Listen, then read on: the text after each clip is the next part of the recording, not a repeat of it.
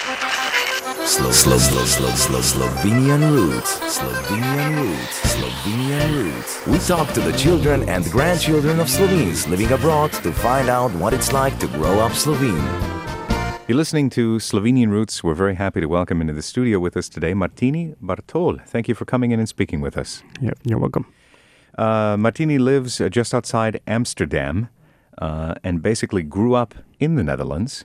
Um, the the idea that we have of the Dutch that they're very open, very tolerant, um, that they like bread with cheese on it.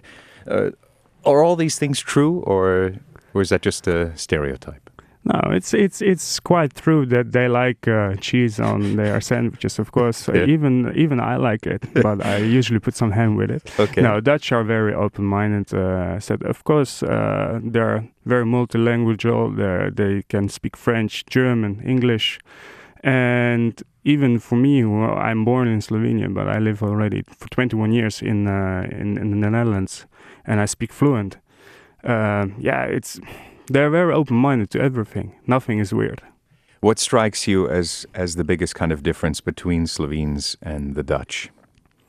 Well, um, the mindset that in Slovenia you have the mindset. Well, this this is just the way it is, and they don't know that one.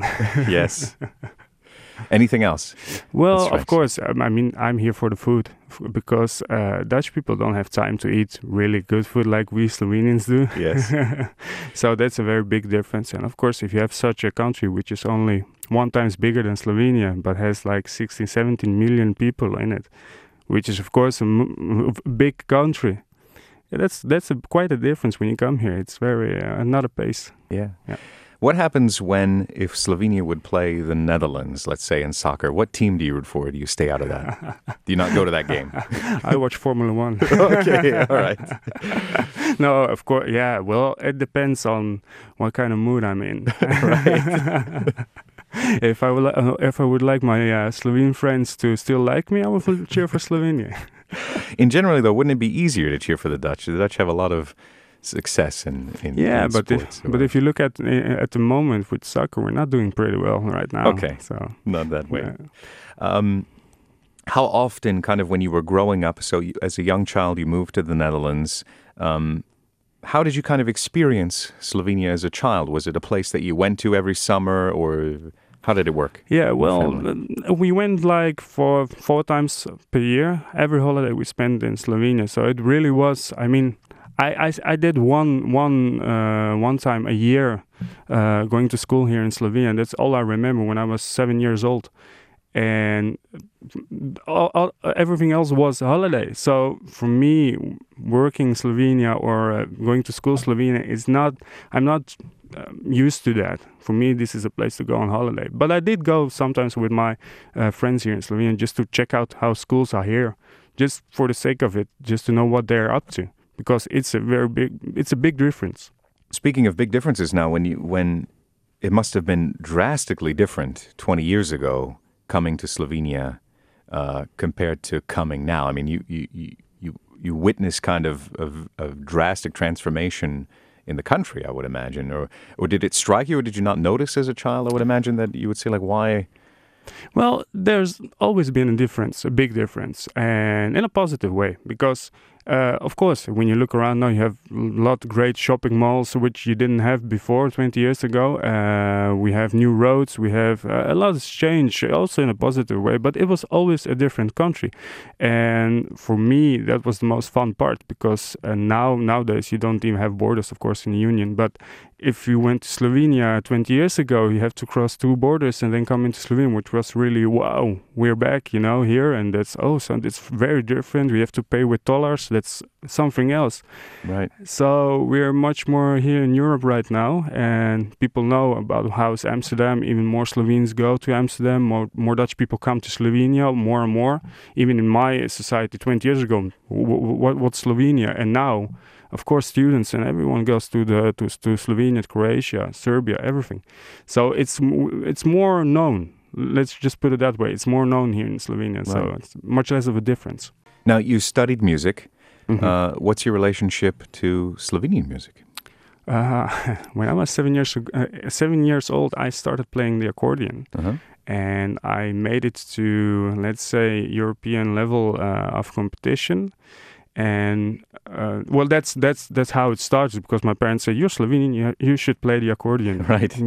that's it, and that was a good, of course, a good thing because I started on that, and I ended up being uh, a professional keys player on so on pianos, on uh, on uh, accordion, and everything.